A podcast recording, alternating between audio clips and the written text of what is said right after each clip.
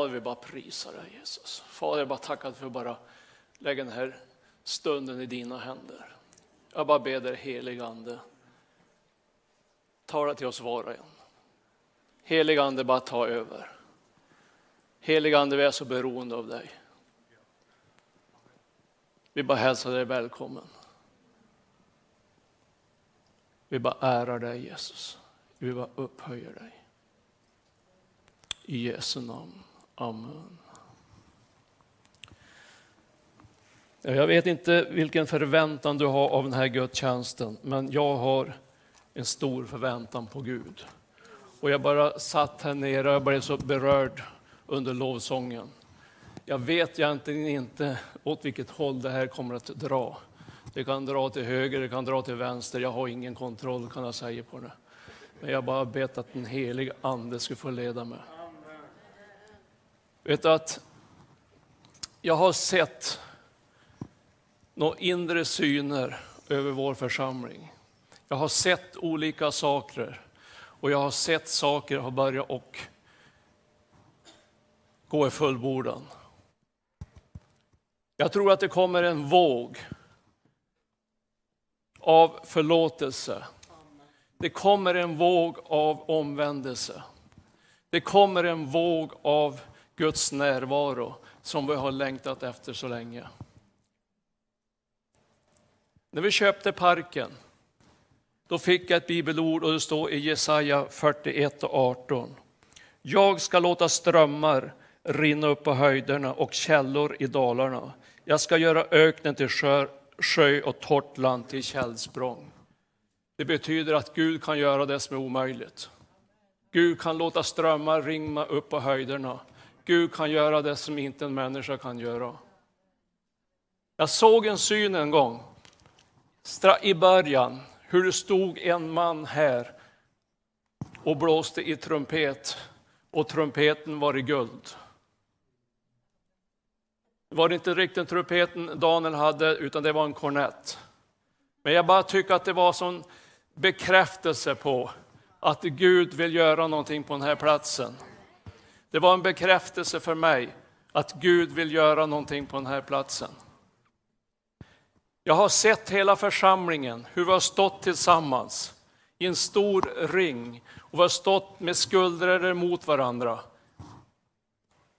Och vi har bara haft ett framför våra ögon. Och det är att vi upplever vad Guds närvaro.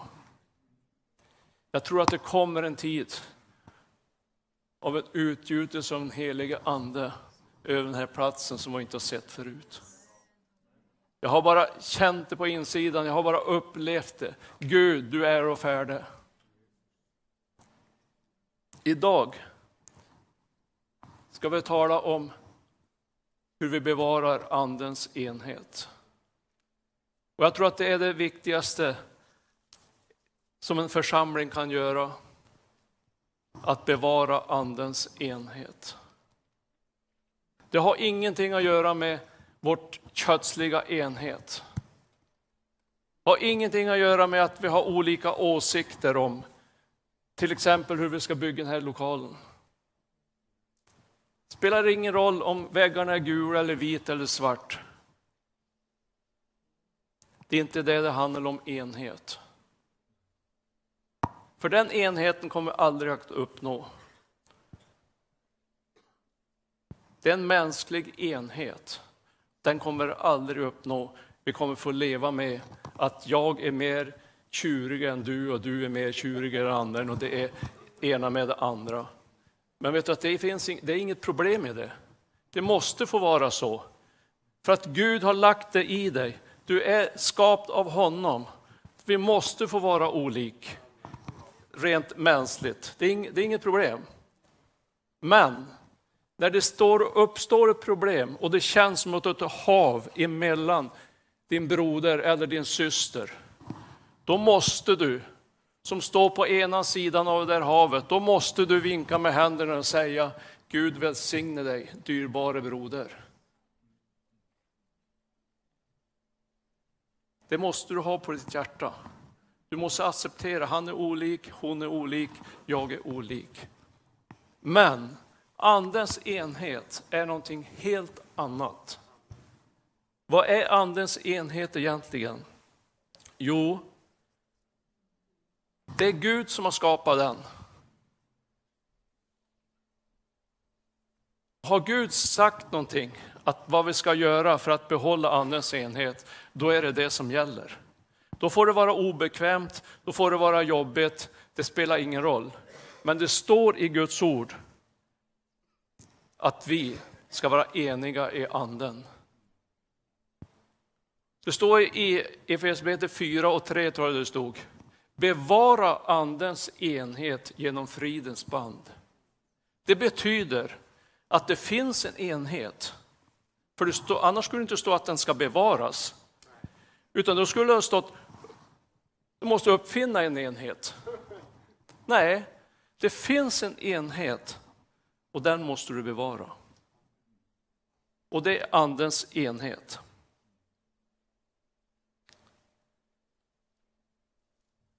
Och eh, det viktigaste när det gäller andens enhet, det tror jag, att bevara den, det tror jag att jag måste tillbringa tid med Jesus. Det är det absolut det viktigaste. Om jag gör min läxa och tillbringar min tid med Jesus som jag ska göra, så är det väldigt mycket som faller på plats. Det står så här i Apostlagärningarna 4 och 13. När de såg hur frimodiga Petrus och Johannes var och märkte att det var olärda män ur folket blev de förvånade. Men så kände de igen dem och kom ihåg att de hade varit tillsammans med Jesus. Vet du, de där orden blir jag påmind om så ofta. Är det någon som har sett att jag har varit med Jesus idag? Är det någon som har reflekterat över mitt liv att jag har varit med Jesus idag? Eller är, det bara, är jag bara en av massorna som de bara ser framför sig?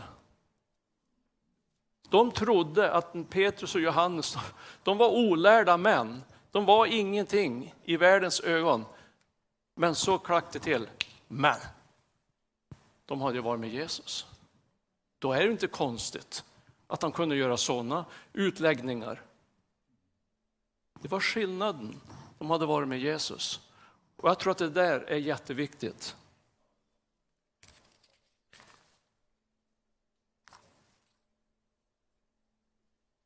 Vi ska läsa från Efesierbrevet 4.2.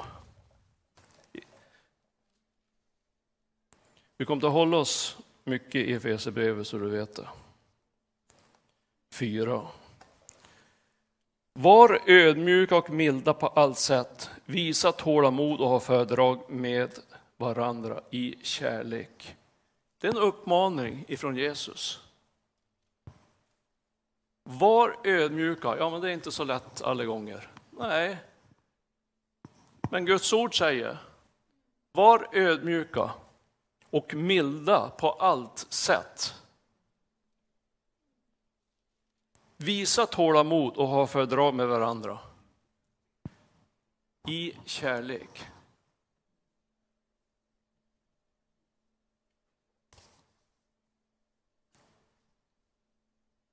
Stolthet och hårdhet har jag skrivit ner här. Det hör inte ihop med en kristen. Det är inte synonymt med en kristen egentligen. Föredrag med varandra i kärlek. Vet du att det är bara kärlek som kan smälta ner hjärtan? Det är bara kärlek som kan smälta hjärtan. Det står så här i Första kor 13 och 4. Det står att kärleken är tålig och den är mild.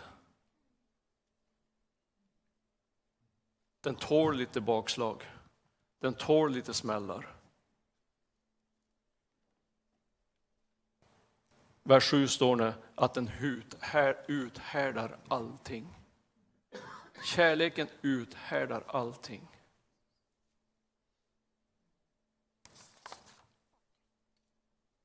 Vissa saker måste vi göra för att behålla Andens enhet. Och eh, ett av det, det är vårt tal. Det är viktigt vad vi säger för någonting.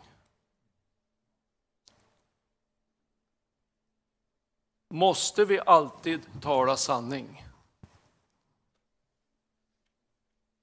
Egentligen så finns det två, två svar på det. Det är både ja och nej. Ja, men ska jag inte säga sanningen? Sanningen sätter ju oss fri. Ibland kan jag inte säga sanningen. Och det där är någonting man måste lära sig. Om jag skulle ta upp min fru Elvy och så skulle jag fråga dig, vem är snyggast av oss? Om du skulle säga sanningen då, då skulle du säga att Elvy är snyggare.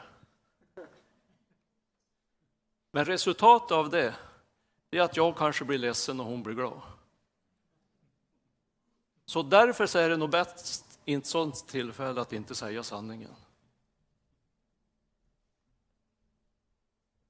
Jag tror du beskyddar mycket av att inte alltid säga sanningen i vissa avseenden. Men när du säger någonting så måste det vara sant. Det är en annan, det är en annan sak. Och sen kan man veta olika saker som är sant. Om du tar till exempelvis mig här i teamet. Vi kan veta saker och ting om människor, men vi talar inte om För att vi har tystnadsplikt, vi har skrivit signat papper på det. Så därför så måste man liksom vårda sitt språk lite grann ibland. Och jag tror att man beskyddar en broder, en syster väldigt mycket med det. Ja, men det är inte farligt att säga sanningen, för det är ju sant. Ja, egentligen är det så. Men i vissa lägen så tror jag det är bättre att man inte säger. Jag tror det är samma sak i en familj. Man säger inte vad som helst till sina barn, fast man vet. Egentligen, det borde jag egentligen ha sagt. Det är ju sant. Men jag gör det inte ändå, för då kanske jag sårar dem.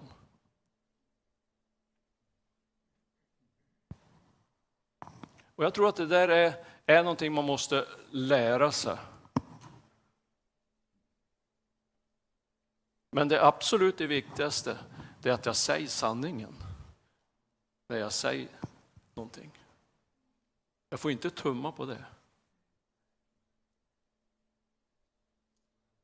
Det står ju så här i vers 25. Lägg därför bort lögnen och tala sanning med varandra. Vi är ju lem, le, eh, andras, varandras lemmar. Lägg bort lögnen. Hur kan troende... Har du tänkt tanken att vi som är troende att vi ljuger någonting? Säger vi inte sanningen allihopa? Det står lägg bort lögnen.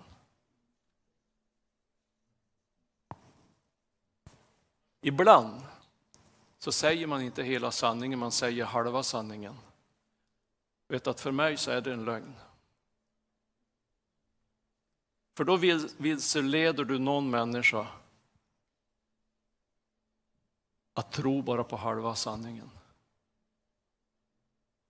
Och säger man inte hela sanningen, hela historien, då har man lurat någon för att han inte fått höra alltihopa.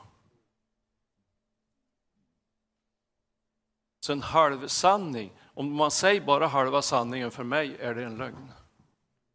För att du inte har fått hela bilden.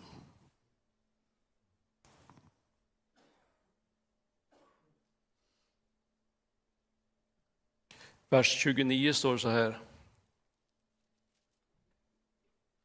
Låt inget oanständigt tal komma över er läppar. Tala bara det som är gott och blir till välsignelse där sådan behövs så att det blir till glädje för den som hör på.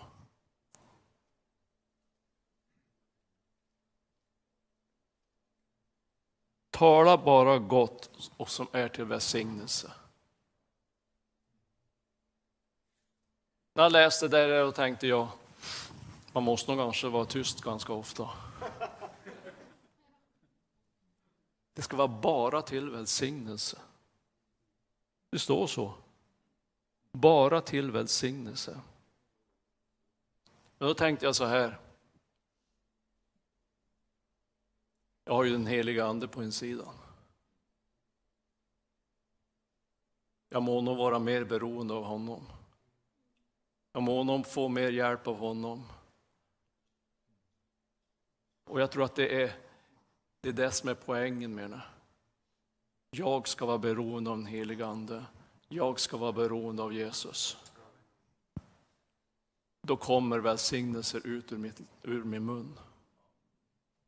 Och jag tror det är jätteviktigt om man tänker på församlingsgemenskap, när man tänker på syskon i församlingen. Det ska komma välsignelse ut ur din mun.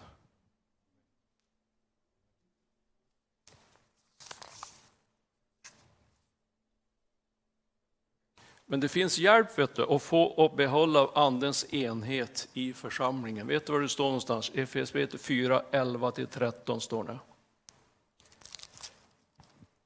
Och han gav några till apostlar, andra till profeter, andra till evangelister och andra till herdar och lärare. Det skulle utrusta de heliga till att utföra sin tjänst och bygga upp Kristi kropp. Det där säger mig någonting att du och jag, vi har ett jobb att utföra. Vi måste be. Vi måste be för apostlar, profeter, herdar, lärare, evangelister. Det är vårt ansvar. De är satt till att bygga Kristi kropp tillsammans med du och jag. Och det är ett stort böneämne att be för varje pastor, be för varje ledare, be för, be för de som styr lite grann i församlingarna, inte bara vår församling utan över hela Sverige, över hela Kristi kropp. Vi måste stå tillsammans, vi måste be för dem. Det är jätteviktigt. Det är så lätt att klaga, det har åsikter hit och dit och det gör så och det gör så. Men har jag bett för dem? Har jag varit på knä för dem? Har jag ropat till Gud för dem? Hur får vi församlingen att växa? Vet du att jag tror att mycket det är andens enhet, det är att vi drar åt samma håll i församlingen. Det är ungefär som du är i en familj. Finns det enighet i familjen så är det roligt att gå och besöka en sån familj.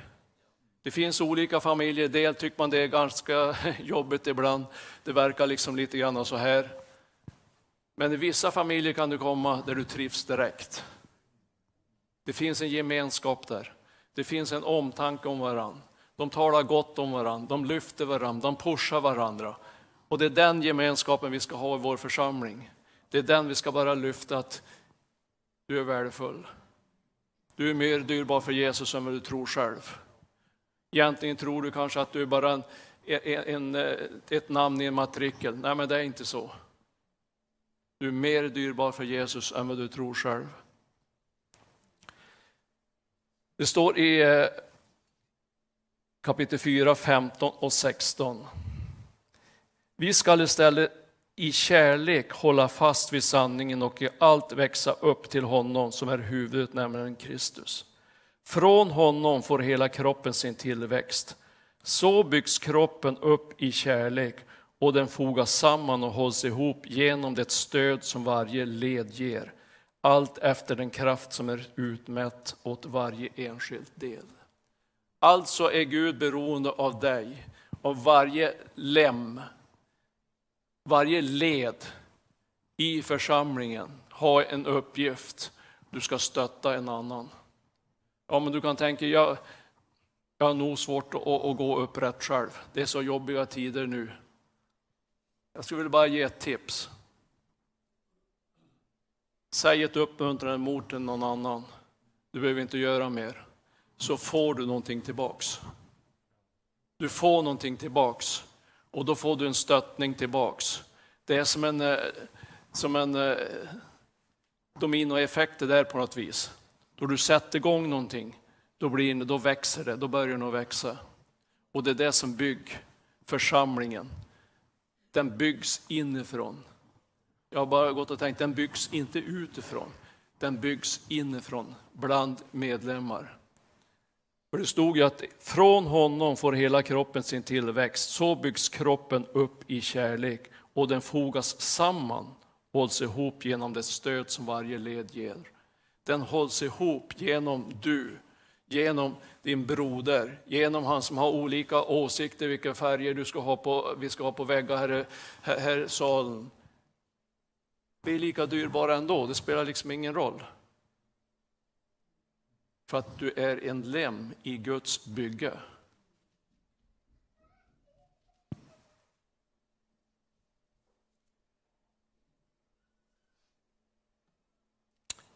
I Johannes 17 och 21 står ett ord.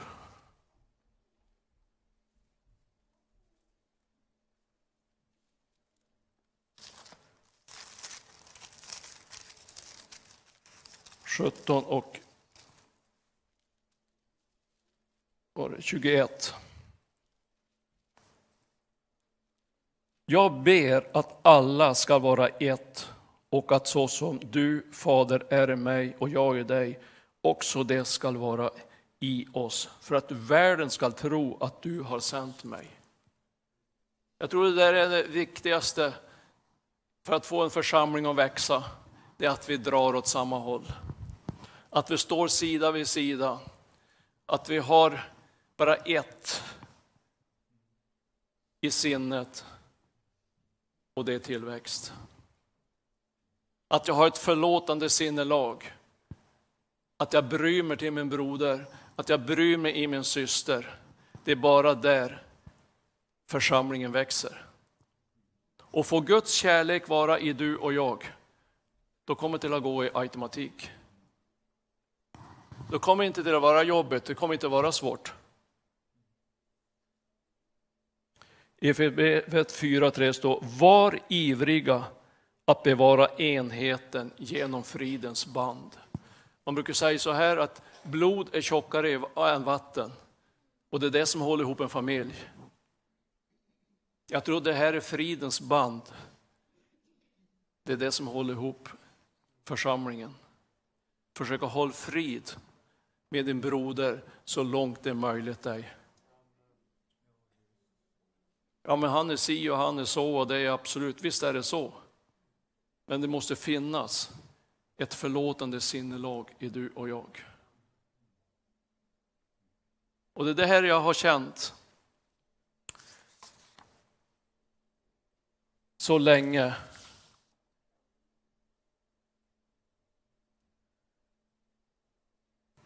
Att Gud vill drabba oss var och en med ett förlåtande sinnelag. Det är inte värt att gå omkring med oförlåtelse. Det är inte värt priset att gå omkring med oförlåtelse.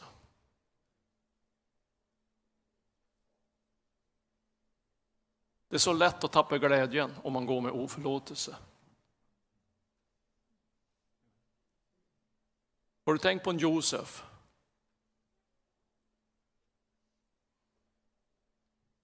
hur hans egna syskon kastade honom i en brunn.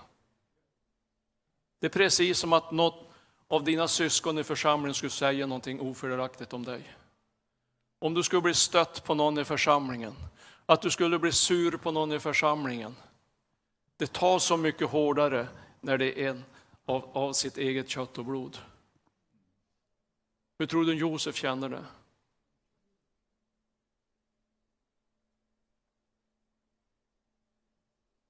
Hur kunde hon vara så simpel?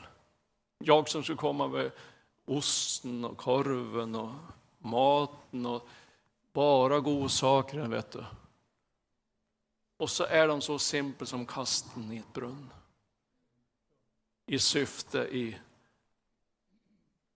att han skulle få lida. Och egentligen, varför de gjorde det så var det ju avundsjuka. De tyckte ju att han var lite för mer än dem. Han hade ju sett syner, han hade ju varit lite högre.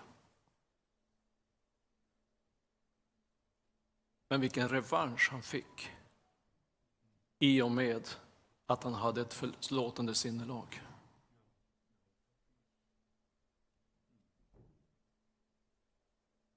Har du tänkt dig vilken fantastisk chans, chans han hade, hade haft om han hade velat ge tillbaks? Och ingen har tyckt att han har gjort fel. Alla hade tyckt att ja, det var bara rätt åt dem. Nu får de igen och se hur de har varit dumma med honom. Men Josef, han var en av en annan kaliber. Det fanns någonting annat på insidan av han. Och det är det jag önskar att vi alla som är här idag ska bara få uppleva att vi smälter samman.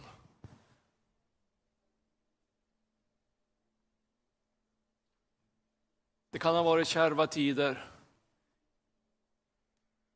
för dig. Du kanske har upplevt att det är någon som har gjort någonting ofördelaktigt mot dig.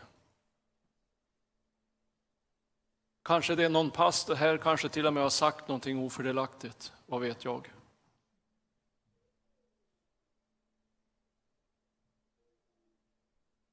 Jag, vet, jag tror att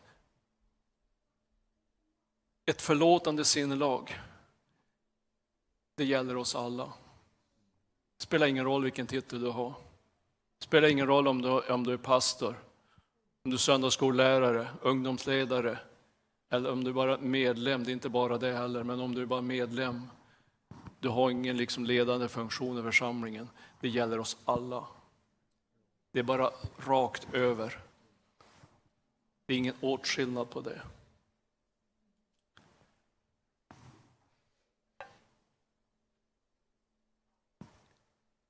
För jag tror att det är A och O. Att jag, jag måste, jag måste förlåta de som jag tycker har gjort fel mot mig. Och vet du att det är värt priset att göra nu? Tänk vilken revansch Josef fick. Han fick ni hela släkten. Han behövde, säkert han kände sig ensam där nere fast han hade det så bra. Han fick sån revansch. Vet du vad det här är? Det här är en handsmidd spik. Den är gjord för hand. Det är ingen fabrik som har gjort den. Och vet du, den här spiken, han kan jag säga, han har predikat mycket för mig. Den här har jag på en hylla i garaget. Jag ser en väl när jag går förbi.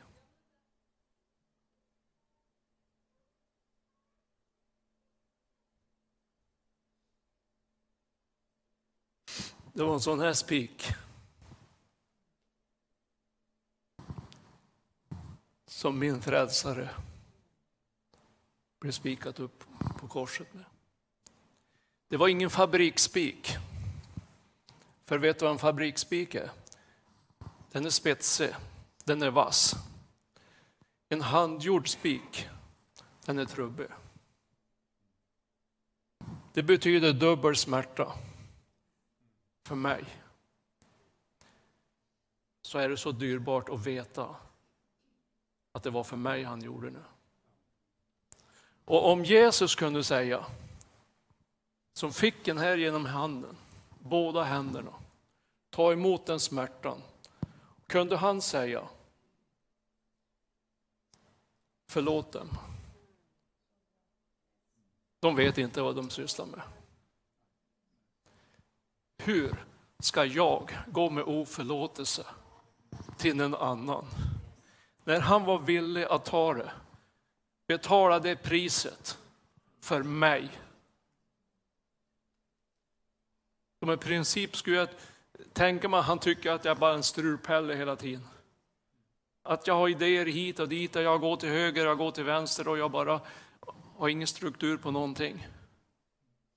Men han kunde säga, förlåt dem, de vet inte vad de gör. Varför skulle inte jag ha en förlåtande attityd till min broder, till min syster?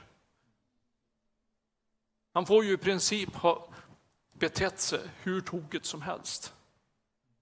Om man jämför det med vad Jesus gick igenom.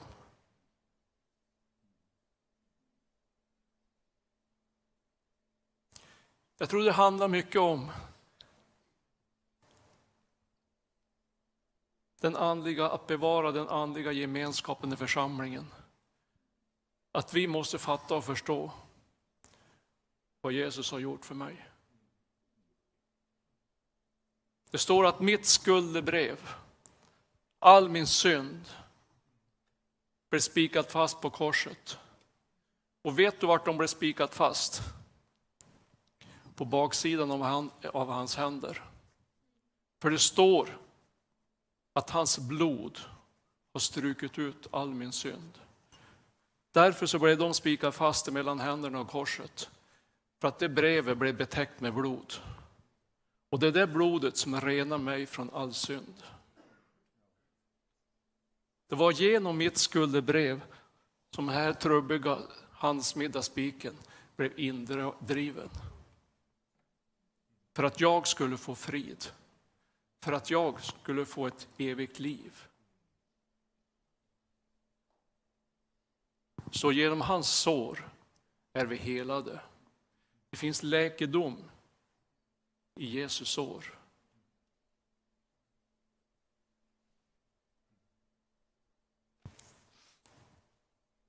När man driver in en sån här spik som ett rubbe, vet du vad som händer då? När du tar bort spiken, då är hålet kvar. Har du en spik som är spetsig, och du drar ut spiken, då fäller håret, äh, hålet ihop. Men den här, om du spikar in den här i trä, han trö trädet framför sig. Därför så, tog, kom, så kunde de se Jesu hår i händerna efteråt. Ingen behövde tvivla på det.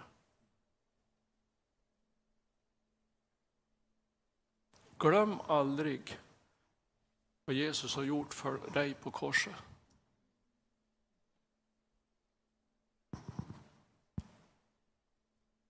När någon gör något fel mot dig,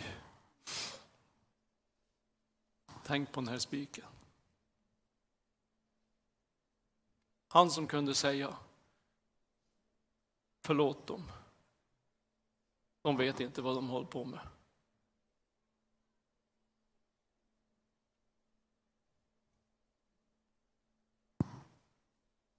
Jag skulle vilja att lovsången kommer upp.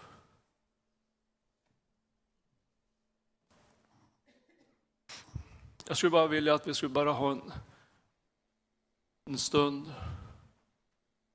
Du kan få gärna sitta kvar i, i, i din stol och bara fundera över vad har Jesus gjort för mig på korset?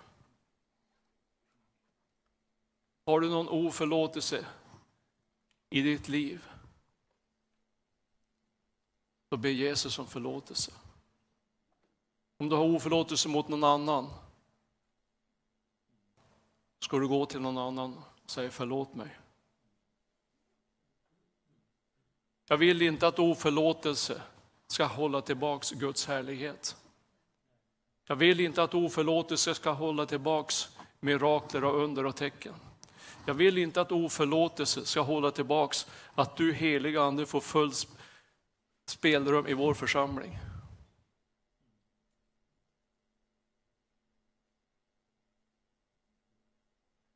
Förlåt dem. De vet inte vad de gör egentligen.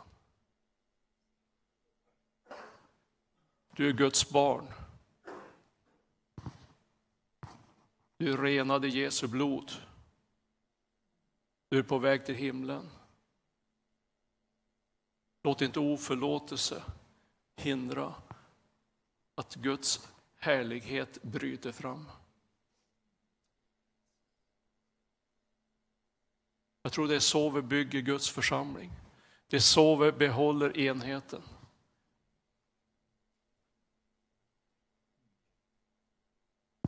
Som vi läste, tala bara välsignelse. Fatta ett beslut. Ska komma välsignelser ut ur min mun.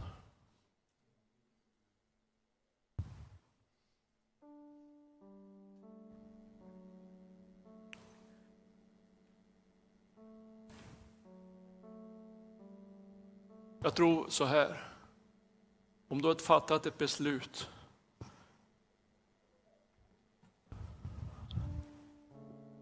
när det gäller, när det gäller förlåtelse så tror jag att det kan vara ett hjälp att bara gå fram och bara böja knä. Gud, jag tar det här på allvar. Gud, vi vill se din härlighet. Vi vill stå tillsammans, hela församlingen. Har du någonting emot någon så bara be om förlåtelse. Spelar ingen roll om det är ditt fel eller hans fel. Det är inte värt att gå och bära på oförlåtelse. Spelar ingen roll om vilket håll det är åt.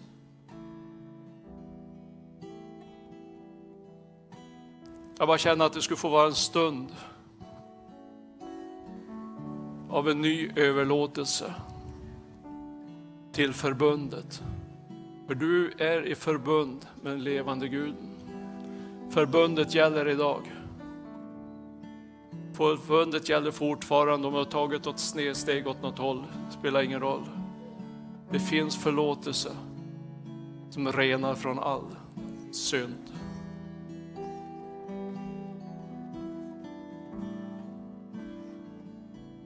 Och jag har märkt en sak när det gäller mitt eget liv. Att om det har varit någonting så är det till väldigt stor hjälp om man bekänner det som synd. Bekänn era synder för mig. Då får du förlåtelse. Kan vi stå tillsammans och kasta ner glömskans hav.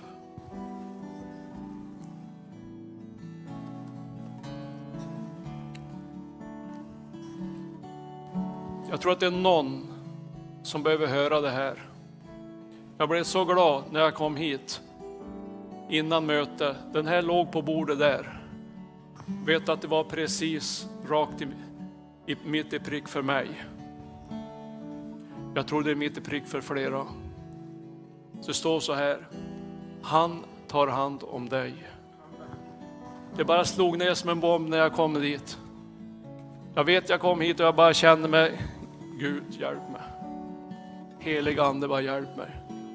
Och så bara låg den här lappen. Han tar hand om dig. Jag tror du är här som behöver höra det här. Han tar hand om dig. Han har full kontroll. Han har inte glömt det. Han har inte övergivit dig. Du är mer dyrbar för Jesus än vad du tror själv.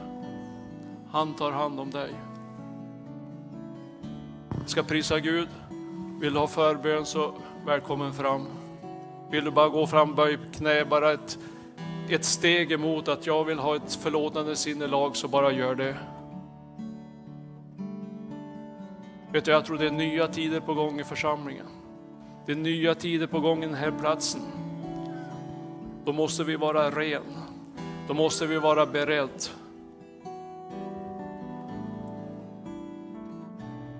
Då måste vi vara tvättade i Jesu blod så det blir vitare än snö.